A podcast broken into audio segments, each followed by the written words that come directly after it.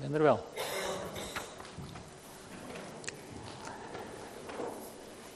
We zijn uh, dit jaar bezig geweest met het thema mensen met missie.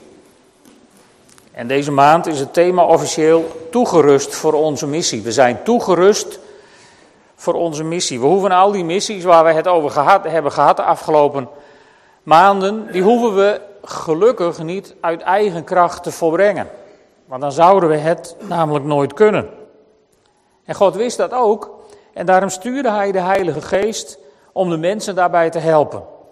Ook bracht hij mensen samen in gemeentes om hen daar toe te rusten tot dienstbetoon, zoals Paulus dat zo mooi schrijft in Efeze 4, vers 11. En het mooie is dat we als toegeruste heiligen andere heiligen weer mogen toerusten, zodat de cirkel alsmaar blijft draaien, zoals dat al 2000 jaar aan de gang is. En dat zal zo blijven totdat Jezus terugkomt op de wolken. Zolang zullen heiligen worden toegerust tot dienstbetoon door de kracht van de Heilige Geest. Nou kun je ondanks die toerusting door de Heilige Geest als heiligen onder elkaar ernstig van mening verschillen. Daar zijn we inmiddels de afgelopen maanden ervaringsdeskundigen in geworden. En een aantal mensen heeft ook onze gemeente, gemeente moeten verlaten, omdat ze het niet eens zijn met het beleid. Dat is jammer, dat is verdrietig, dat doet pijn, dat brengt teleurstelling, daar leid je onder. Aan de andere kant moeten we goed voor ogen houden dat wij allen hier gebleven of niet hier gebleven in het koninkrijk van God zijn gebleven. Het wordt pas echt een drama als mensen God terug toekeren en het koninkrijk van God verlaten. En uh, ik denk dat Paulus en Barnabas hetzelfde hebben gevoeld. Toen ze na een ernstig meningsverschil uit elkaar gingen, elke hun zweegs. Maar ze werden wel allebei gezegend in de bediening die ze van God hadden. En als je later in de brieven van Paulus leest hoe hij over Barnabas schrijft en over Johannes Marcus, dan is er herstel geweest. Dan is er iets bijzonders gebeurd. Dan heeft God gewerkt door zijn Heilige Geest. En zo zullen ook wij, waarvan onze wegen de afgelopen weken, maanden gescheiden zijn, elkaar ongetwijfeld weer tegenkomen in het Koninkrijk van God. En ik hoop en ik bid dat we elkaar dan met liefde en met respect zullen ontmoeten, met waardering voor elkaar. En dat het nog steeds duidelijk zal zijn dat we broeders en zusters van elkaar zijn gebleven. En ik geloof dat voor ons in dit gebouw, in dit huis, onze roeping is om een huis van genade te zijn. Een huis waar mensen met hun problematieken, met de brokken van hun leven liefdevol worden opgevangen. Waar we brood en wijn met elkaar en met hen delen om zo samen bij het vaderhart van God te komen. Want daar veranderen mensen. Mensen veranderen niet in een kerk ja, dat kan omdat je je wat aanpast aan de cultuur, maar dat zijn uiterlijke veranderingen. De innerlijke verandering in je ziel, in je geest vindt plaats door de ontmoeting van hart tot hart met onze Vader in de hemel. En die verandering die vindt plaats door de Heilige Geest. En ik geloof dat de mate waarin wij die geest ontvangen bepaalt hoe ver we veranderen. Wij mensen bewerken die verandering niet. Dat is een genadewerk van God. Maar we kunnen soms dat werk van God wel ernstig in de weg staan. En uh, daarom wil ik een paar stukjes met jullie lezen uit Handelingen over hoe de discipelen het deden. Handelingen 1, vers 12. Jezus is net opgevaren naar de hemel en een engel heeft de apostelen opgedragen om in Jeruzalem te blijven wachten, totdat ze kracht zouden ontvangen uit de hoge. Dan staat er in vers 12, daarop keerden de apostelen van de Olijfberg terug naar Jeruzalem. Deze berg ligt vlak bij de stad op een sabbatsreis afstand. Toen ze in de stad waren aangekomen, gingen ze naar het bovenvertrek waar ze verblijf hielden. Dat was de bovenzaal waar ook het laatste avondmaal had plaatsgevonden, naar alle waarschijnlijkheid. Petrus en Johannes, Jacobus en Andreas, Filippus en Thomas, Bartholomeus en Matthäus, Jacobus, de zoon van Alfeus, en Simon de ijveraar en Judas, de zoon van Jacobus.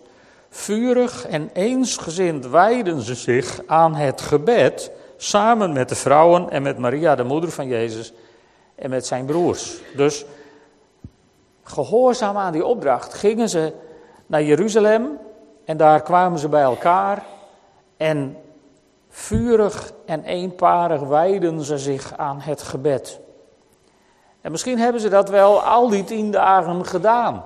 In die tien dagen hebben ze ook een vervanger voor Judas aangesteld. En ze hebben wel wat andere dingen gedaan. Dus het leven is ook doorgegaan in die tien dagen. En dan aan het eind van die tien dagen vinden we ze terug in Handelingen 2, vers 1.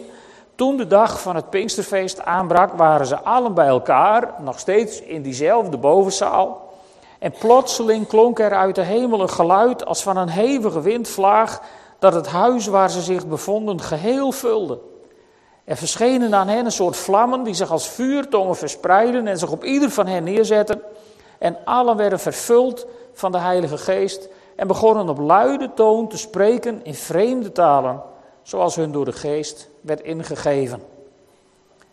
Ineens gebeurt daar dus iets totaal onbekends, iets totaal vreemds. En je ziet hoe deze mensen, ja, er is niemand die zegt dit kan niet, want dit hebben we nog nooit gedaan. Er is ook niemand die zegt dit staat niet in onze statuten. En er was ook niemand die zei dit is kerkrechtelijk niet verantwoord. Maar ze lieten het gebeuren. Ze accepteerden wat de Heilige Geest deed. En dan, ja, dan, dan, dan zie je dat er altijd mensen zijn die daar de spot mee drijven. En zeggen, nou, ze zullen wel dronken zijn. En dan komt Petrus naar voren. Hè? Petrus, moet je voorstellen, de man die, die, die, die een paar weken eerder, toen ze hem vroegen, hoor je ook bij Jezus, zichzelf vervloekt had om te ontkennen. Zo bang was hij om, om ook voor een volgeling van Jezus te worden aangezien. En nu hij vervuld is met de Heilige Geest, stapt diezelfde Petrus, die stapt naar voren. En ik weet niet of je een plaatje hebt van hoe het er ongeveer uitzag, maar de Pinkstertijd, zeg maar, dat was een pelgrimstijd in Jeruzalem. Je leest in Handelingen 2 dat mensen uit allerhande volken daar waren. Dus je moet je voorstellen, toen ze die bovenzaal uitkwamen, ik stel me voor zo'n soort bordes of zo ervoor. En, en, en duizenden mensen, want Jeruzalem was vol met mensen, helemaal vol met pelgrims. Dus het was niet zo dat Petrus dacht van nou, ja, die paar mensen die sta ik wel even te woord. Petrus die moest in één keer voor een massa mensen. En hij stapt naar voren, die angsthaas van, van zes, zeven weken eerder, die stapt naar voren. En die zegt, wij zijn niet dronken, maar dit is wat de profeet Joël heeft verkondigd. En als je dan gaat lezen wat de profeet Joël heeft verkondigd, dan lijkt het in de verste verte niet op wat er op die Pinksterdag gebeurde. Maar er kwam niet één theoloog naar voren die zei: Petrus, je hebt je exegese niet op orde. Er kwam niemand naar voren die zei: Zo staat het niet in de studiebijbel. Nee, ze knikten en ze: Ja, dit is het, misschien wel. Ik vind het zo wonderlijk wat er op die dag gebeurde. Zo zoveel kracht van de Heilige Geest die, die zo radicaal mensen aanraakt en mensen verandert. En, en ik denk dat dat te maken heeft met wat een tijdje daarvoor was gebeurd. Dat lees je in Johannes 19. Nee, in Johannes 20, sorry, vers 19. Dat is vlak na de opstanding. Jezus is opgestaan en dan is hij bij zijn discipelen. En dan staat daar in Johannes 20 op de dag van die eerste dag van de week waren de leerlingen bij elkaar. Ze hadden de deuren afgesloten omdat ze bang waren voor de Joden. Jezus kwam in hun midden staan en zei: Shalom, ik wens jullie vrede, staat hier. Maar hij zei: Shalom. Ze schrokken zich natuurlijk wezenloos. En na deze woorden toonde hij hun zijn handen en zijn zijde. En de leerlingen waren blij omdat ze de Heer zagen. Nog eens zei Jezus, shalom. Zoals de Vader mij heeft uitgezonden, zo zend ik jullie uit. En na deze woorden blies hij over hen heen en zei, ontvang de Heilige Geest. Nou, dit is een, een stukje waar je af moet vragen, wat gebeurde hier? Ontvingen ze de Heilige Geest of kregen ze hier de opdracht om de Heilige Geest te ontvangen als hij werd uitgestort? Nou, daar verschillende meningen over. Uh, de, de grote studiebijbel, de Nederlandse studiebijbel, die gaat uit van het laatste. Dat ze opdracht kregen om de Heilige Geest te ontvangen.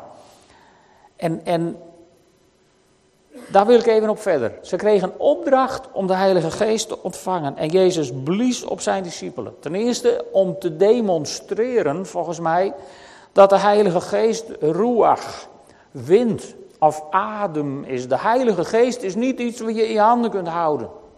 Je kunt hem niet vastbinden. Je kunt hem niet. Het is geen materie waar je op die manier mee om kunt gaan. En ten tweede geloof ik dat Jezus hier iets heel profetisch deed, gebaseerd op het Oude Testament.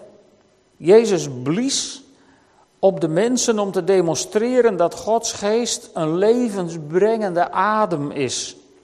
Het gebruikte werkwoord in het Grieks emphusao, dat kom je twee keer tegen in de Bijbel. In het Grieks. Hier namelijk, in dit vers waar Jezus blies over zijn discipelen. En dan vind je het in de Septuagint, dus in de Griekse vertaling van het Oude Testament, wordt het nog één keer gebruikt. In Genesis 2, vers 7. Waar God de mens schept en zijn levensadem in de mens blaast. Die twee keer komt dit woord in de Bijbel voor. Dus het, het, je, kunt, je kunt er geen enkele andere kant mee op, volgens mij, daardoor, dan, dan vast te stellen dat God bij de schepping zijn levensadem in de mens blies. De geest van God werd in de mens geblazen. Die raakte de mens kwijt door de zondeval. En nu, na Golgotha, na de dood van Jezus en na de opstanding van Jezus Christus, blaast hij over zijn discipelen om dat te herstellen. En, en hij geeft de mens de opdracht om de Heilige Geest te ontvangen. En Jezus had eerder al in Johannes 16, vers 7 duidelijk aangekondigd dat de Heilige Geest pas zou komen nadat hij was opgevaren. Nou, wat we in Handelingen 1 hebben gelezen, dat vindt plaats direct na de hemelvaart. Dan gaan ze naar Jeruzalem, ze bidden vurig, blijven bij elkaar, volharden in het gebed. En ze blijven net zo lang bidden totdat Handelingen 2, vers 1 aanbreekt. En plotseling dat moment daar is waarop de Heilige Geest wordt uitgestort. En ik denk dat ze zich toen hebben herinnerd wat Jezus zei ontvang de Heilige Geest. En, en hoe dat precies gegaan is, dat, dat weten we niet. Maar het woord ontvangen, daar heb ik het wel eens vaker over gehad, dat is een heel interessant woord. Dat betekent niet dat je gastvrij iemand ontvangt, zoals je een gast ontvangt. Hè? Dat je zegt, nou, je doet de voordeur open en nou, u mag daar uw jas wel even ophangen, of geef mij uw jas maar even. En gaat u daar maar zitten. Wilt u een kopje thee, wilt u een kopje koffie? Dat is ook een manier van ontvangen. Maar dit is een andere manier van ontvangen. En, en ik dacht, hoe, hoe geef je daar nou een praktisch voorbeeld van? Nou, en, en elk voorbeeld gaat krom, maar ik heb deze week zo'n uh, zo'n mooi klein tabletje gekocht. Mijn telefoon was kapot. En nu heb ik zo'n klein tabletje, daar kun je ook mee bellen. Het lijkt wel trouwens, het is net, heb je een plaat voor je hoofd als je belt, maar goed. Het werkt. En, en weet je, dat had ik op internet gekocht. En dan komt de post, die heeft een pakje voor je. Nou, ik wist wat eraan zat te komen. Ontvang de Heilige Geest. Ze wisten wat eraan zat te komen. Dus dat pakje dat kwam. En, uh, en, en, en ik ben gestopt met waar ik mee bezig was. En ik heb dat doosje opengemaakt. Daar zat nog een doosje in. Heel frustrerend. Maar dat heb ik ook opengemaakt. Daar zat een zakje in. We verpakken de dingen goed tegenwoordig. Dat heb ik ook opengemaakt. En toen kwam er een tabletje tevoorschijn. En daar ben ik mee aan de slag gegaan. Van wat kan dat ding allemaal? En, en, en elke dag zit ik er nog wel even mee te stoeien om uit te vinden hoe het allemaal werkt. Dat is ook een vorm van ontvangen. Ik had natuurlijk ook een, oh ja, daar is dat tabletje tegen de post. Nou, leg het daar maar op de container. Als ik tijd heb, zie ik wel een keer. Maar zo zit ik niet in elkaar. Want ik was wild nieuwsgierig naar dat nieuwe apparaatje. En, en weet je, de Heilige Geest ontvangen gaat nog veel verder dan zo'n zo'n zo'n technisch gevalletje. Maar het woord wat voor ontvangen wordt, wordt gebruikt, het Griekse woord lambano, dat betekent dat je iets, iets grijpt om het te gebruiken. Dat is de eerste betekenis. Of dat je, dat je iets tot je eigendom maakt, het je toe-eigent. In sommige kerken, als je het hebt over, over dat je de geest mag ontvangen, dan zeggen mensen met een heel moeilijk gezicht: Nou, dan eigen je je het heil wel toe. En dan denk ik: waarom denk je dat God het ons anders gegeven heeft? Hè? Om het je toe te eigenen. Dus als, als Jezus tegen zijn discipelen zegt: Ontvang de Heilige Geest, dan zegt hij: Eigen hem je toe. Maak het je eigen. Zorg dat je in de gaten krijgt wat het betekent. Zorg dat je ontdekt wat je er allemaal mee kunt. En, en als ik daar dan naar kijk, dan vraag ik me af, ja, hoe zit dat nou in onze levens? Af en toe heb ik het, de indruk dat we in het Westen ons, ons een zo erg geciviliseerd christendom hebben aangemeten dat de Heilige Geest amper de kans heeft om iets te doen wat out of the box is. Want het moet allemaal wel netjes blijven, het moet allemaal wel precies binnen de kaders en het moet precies binnen de regels. En, en het rare van de Heilige Geest is, hij is niet binnen de kaders en hij is niet binnen de regels. Daar is hij te groot voor. En toch wil hij in je wonen. Maar ja, hoe woont hij in je? Hoe zit het eigenlijk? Hoe zit het eigenlijk in uw leven? Ik denk dat de Pinksterdag een goede jaarlijkse dag is om daar eens even met elkaar bij stil te staan. Is de Heilige Geest die in u is komen wonen, die in jou is komen wonen, is dat een gast die op zijn kamertje moet blijven? Dat is de logeerkamer, die is voor jou en de andere deuren. Nee, dat is privé. Of is de Heilige Geest een logier die mag blijven zolang hij zich gedraagt, zolang je het leuk vindt? Of is de Heilige Geest zoiets kostbaars in je leven dat je hem in de kluis hebt opgesloten en de sleutel hebt weggegooid, zodat hij er nooit weer uitgaat? Of is de Heilige Geest de hoofdbewoner van het huis geworden? We hebben dat gezongen. Laat dit huis gevuld zijn met wierook van aanbidding. Laat dit huis gevuld zijn van uw geest. En toen dacht ik, hier maakt de kerk een hele grote vergissing. Wij denken namelijk dat de Heilige Geest is uitgestort in een kerk.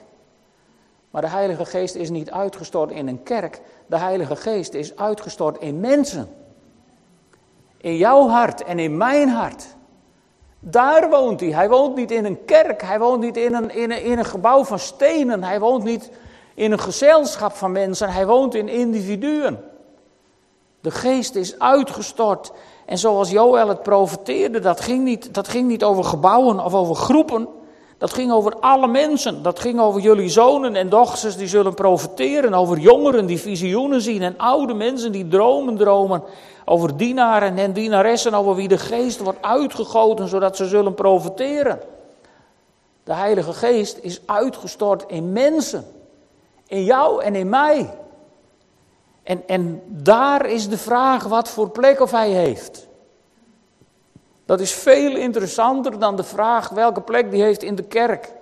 Want als de mensen in de kerk vol zijn van de Heilige Geest en in vuur en vlam staan.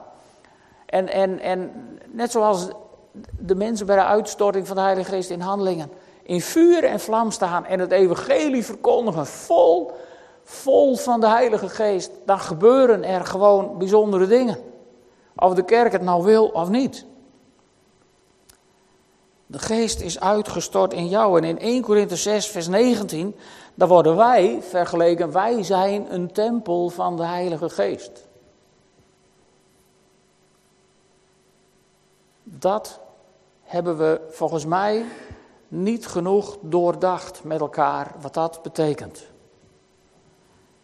Wij zijn niet onze tempel waar de Heilige Geest in het heilige der heiligen in een kistje onder een verzoendeksel woont.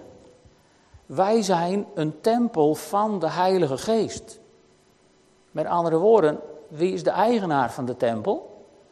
De Heilige Geest. En ik woon erbij in. Dat is heel iets anders dan de Heilige Geest die inwoont bij mij en zich aan mijn regels moet houden.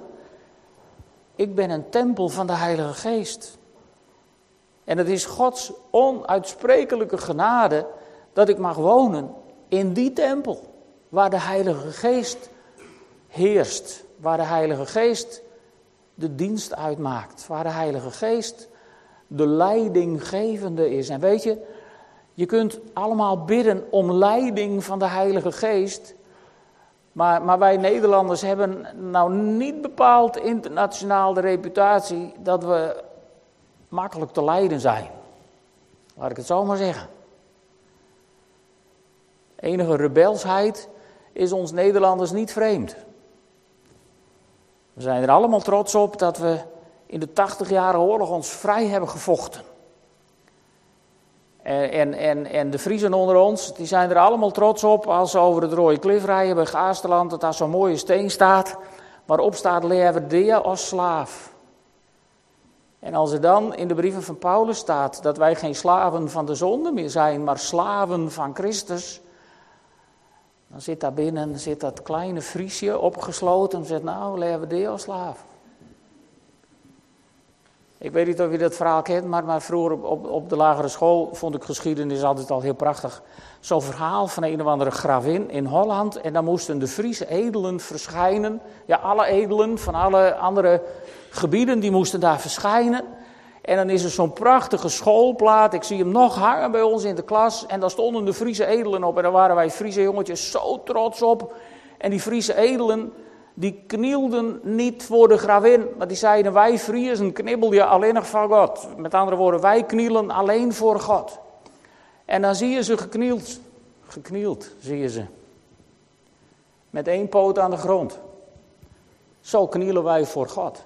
Dat zit volgens mij namelijk in onze volksaard. Dat we één voet aan de grond houden. Omdat we toch, ja we willen toch een beetje greep houden op de situatie. En weet je wat er met Petrus en, en de zijnen gebeurde toen de Heilige Geest werd uitgestort? Was dat ze geen greep meer hadden op de situatie. Die waren ze volledig kwijt. Die gaven ze ook vrijwillig uit handen. Plotseling was daar de Heilige Geest. En, en spraken ze in vreemde talen. Ja, daar is theologisch oeverloos over gediscussieerd. Of het notalen waren, of tongen, onverstaanbare dingen. Of... Ja, daar kun je heel lang over discussiëren. Maar het heeft niet zoveel zin. Want de Heilige Geest, die doet het toch op zijn manier als hij dat gaat doen. De vraag is van, ben je er, sta je er open voor? Heb je je hart geopend voor welk werk van de Heilige Geest dan ook? In 1 Korinthe 12 worden ze opgenoemd. Die uitingen des geestes, zoals de NBG ze zo mooi vertaald heeft, eigenlijk de beste vertaling die er voor is.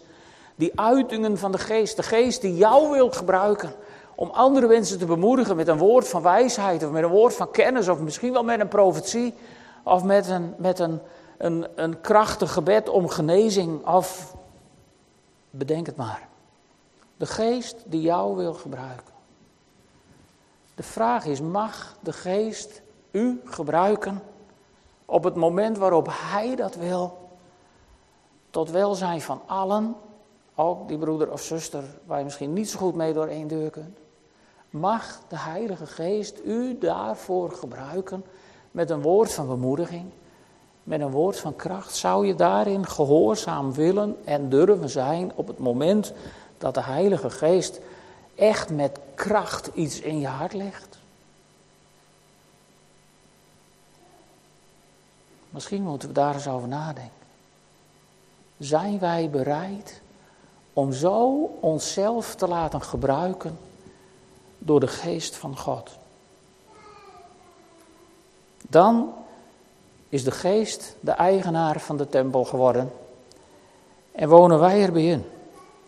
Weet je, want het maakt nogal wat verschil hoe die geest wordt ontvangen. Het gaat om de hamvraag wie de baas is in dit huis of in jullie huis, in jullie lijf. En dat kan nogal wat consequenties hebben. Een heel mooi voorbeeld van die consequenties, die vind je in Lucas 19. Het verhaal van Zacchaeus.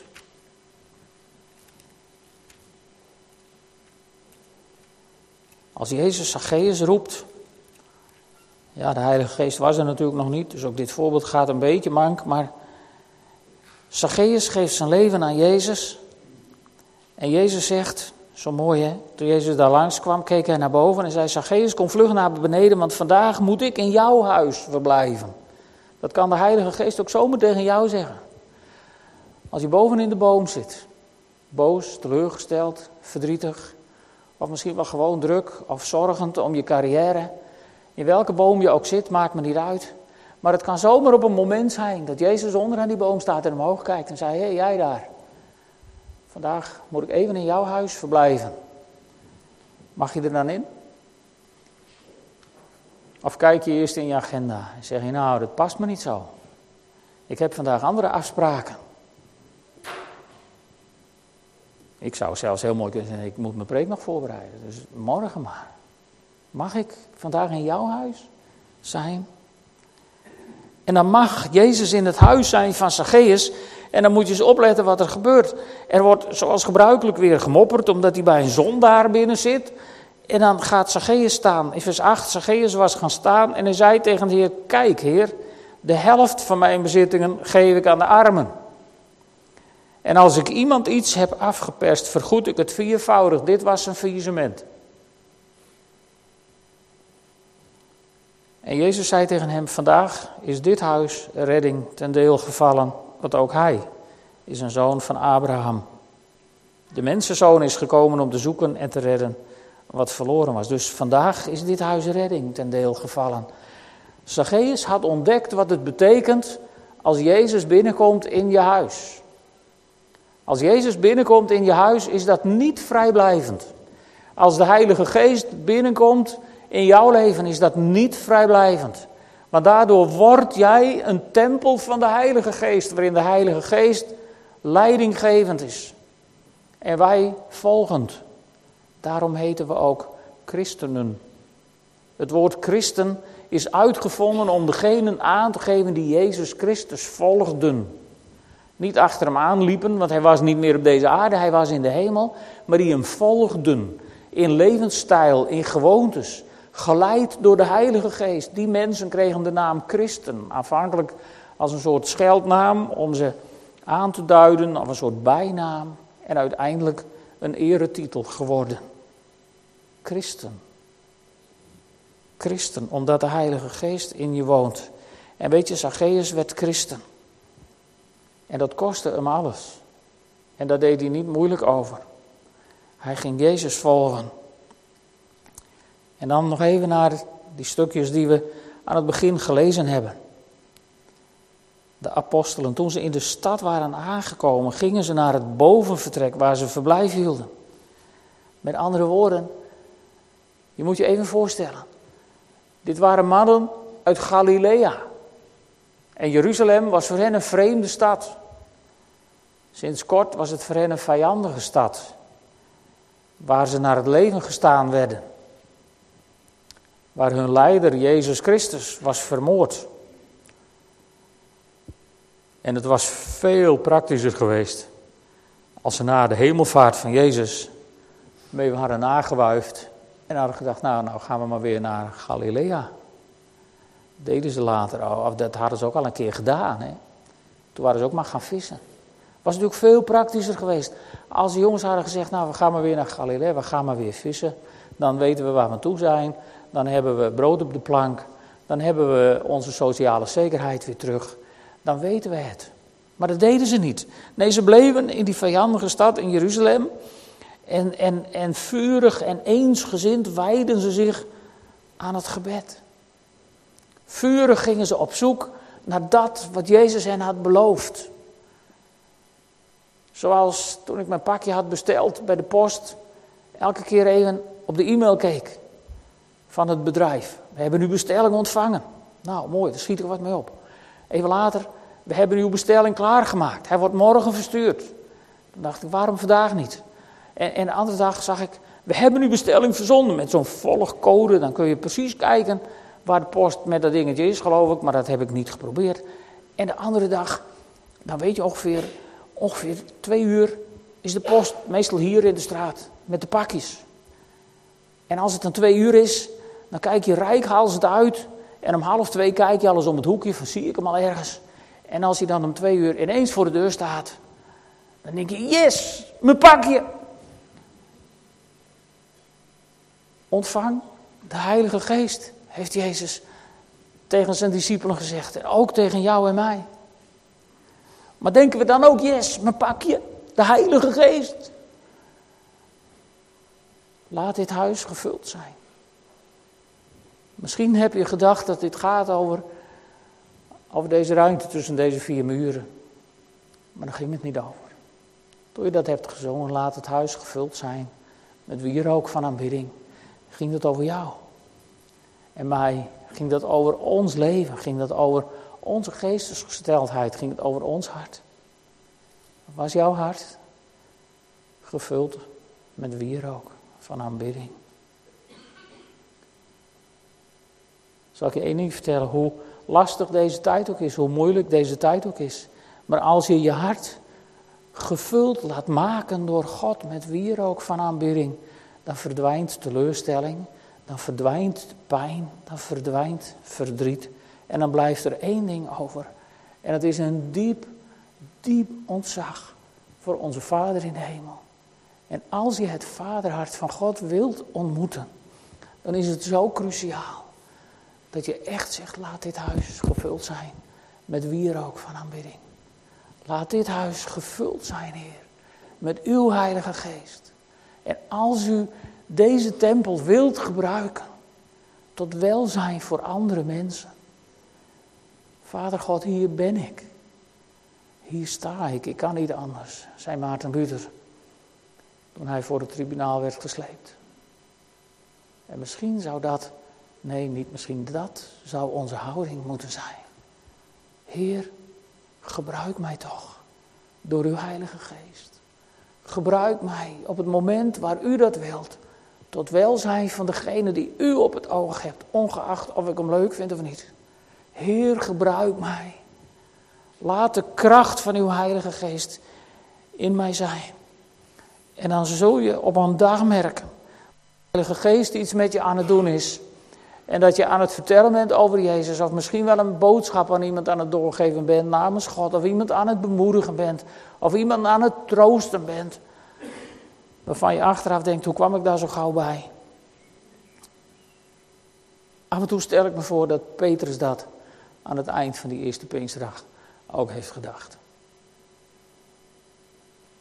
Want Petrus had natuurlijk geen computer en geen printer, dus die had, die had, geen, geen, die had ook geen tijd gehad om een preek voor te bereiden. Want die wist, morgens toen hij wakker werd, niet wat er zou gaan gebeuren. En plotseling houdt Petrus daar de preek van zijn leven. En als je die preek leest, die moet je maar eens lezen, is de beste preek die in de hele Bijbel staat opgetekend. Onvoorbereid, van iemand die net vervuld was met de Heilige Geest. Zouden wij nooit toestaan dat hij ging preken, maar dat is weer een ander punt. En, en, en Petrus houdt daar een preek. En de mensen die zeggen naar, naar, naar aanleiding van zijn preek, wat moeten we doen? Mannen en broeders. En dan zegt Petrus, je moet je bekeren je moet achter Jezus aan.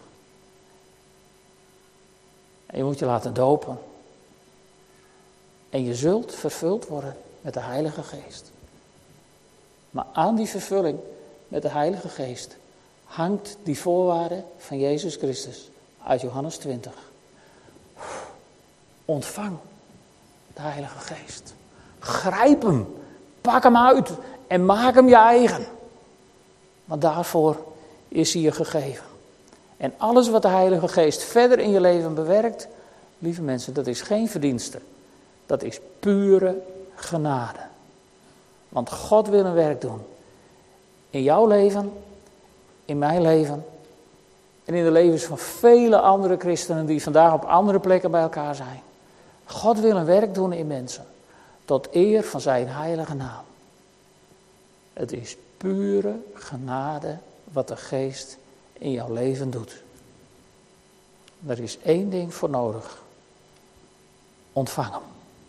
Zullen we gaan staan en bidden?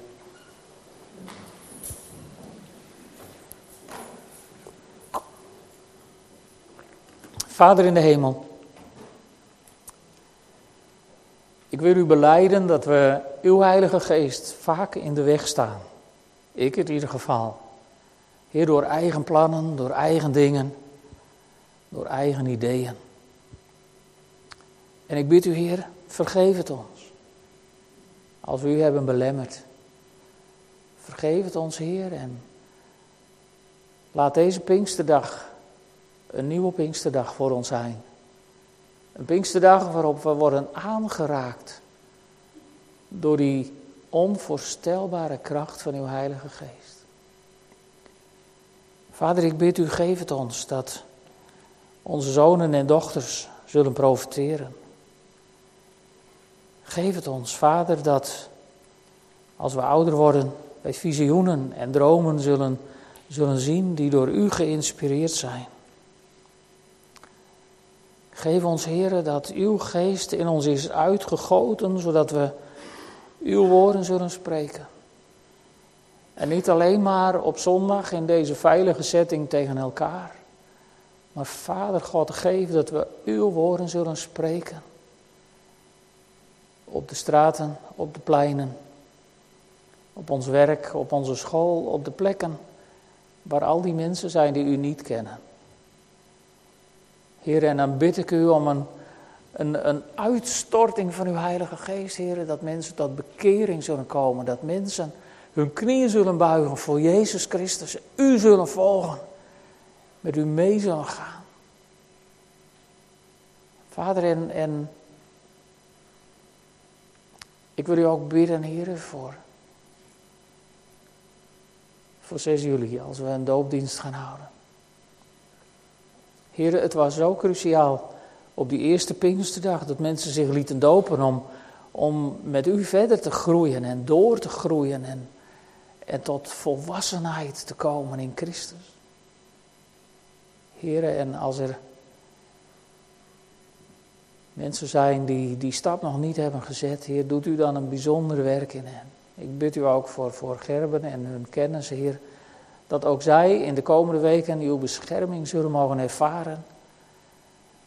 En een krachtig werk van uw Heilige Geest zullen beleven. Heer God, ik loof u en ik prijs u. Dank u wel dat u uw geest hebt uitgestort over alle vlees. Dat ook wij, eigenwijze Vriezen, dat mochten beleven. En Heer God, het is uw genade. Laat uw genade dan ook bewerken. Dat we ons zullen buigen voor u. En uw geest in alle volheid zullen ontvangen. Dat bid ik van u in de naam van Jezus. Amen.